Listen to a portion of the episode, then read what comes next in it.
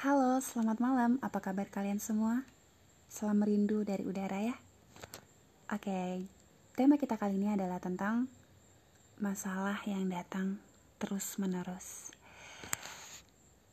Teman-teman yang baik, ketahuilah bahwa manusia hidup ini dapat dipastikan akan banyak sekali masalah. Karena masalah karena masalahlah yang uh, membuat manusia itu bisa hidup yang membuat manusia itu lebih kreatif dan juga produktif. Masalah datang bukan untuk diratapi ya. Masalah datang juga bukan untuk dihindari akan tetapi masalah itu datang berulang-ulang adalah untuk kita hadapi. Jangan pernah takut. Jangan jangan pernah ngeluh dan jangan nyerah dulu.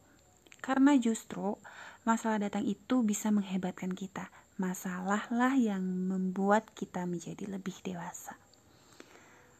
Hampir semua tokoh dunia dan bangsa bisa sehebat dan setangguh itu karena apa? Karena terbiasa dengan menghadapi masalah.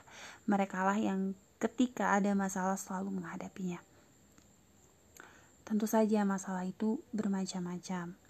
Mungkin yang masih muda ada masalah dengan belajar, persahabatan dan lain sebagainya. Begitupun yang tua. Yang tua bisa aja ada masalah dengan rumah tangganya, orang tua, tetangga dan lain sebagainya. Sudah menjadi sunatullah bahwa manusia hidup bergelut dengan masalah, ya kan? ada satu rumus yang bisa kita jadikan acuan bahwasanya ketika kita ditimpa masalah itu adalah rumusnya komunikasi iya komunikasi. Maknanya apa sih? Jadi ketika kita mempunyai masalah kita mesti bergerak. Kita harus datang ke pihak yang mungkin kita berikan kepercayaan bahwa dengan kita datang kepadanya masalah kita akan terpecahkan. Seperti itu. Kita bisa datang ke orang tua kita misalnya ke guru dan kita wajib untuk datang ke Allah Subhanahu wa taala untuk meminta meminta jalan keluar dari masalah yang sedang kita hadapi. Jadi kayak gitu sahabat udara. Dan um, setelah masalahnya jelas, insya Allah siapa pun yang kita datangi akan berusaha untuk memberikan kita solusinya.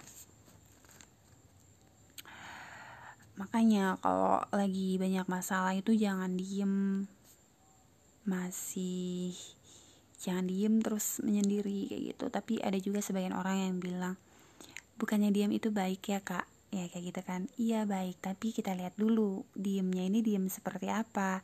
Dia diem frustasi terus pasrah depresi dan lain sebagainya itu malah uh, nyakitin diri dia sendiri.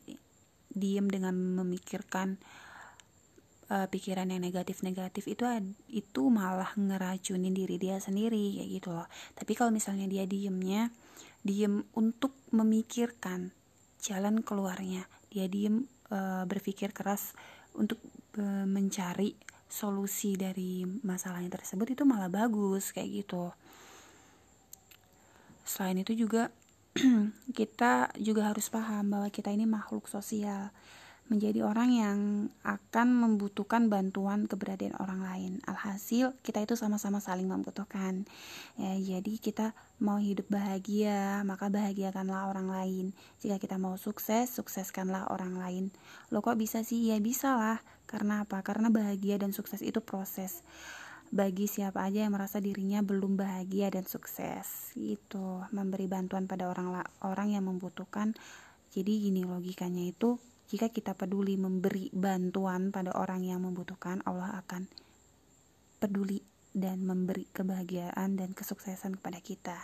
Maka masing-masing dari kita ini saling memberi, saling membahagiakan dan saling men mensukseskan. Amin amin Allah amin. Semoga kita semua termasuk orang-orang yang bisa menebarkan seribu manfaat untuk orang lain ya.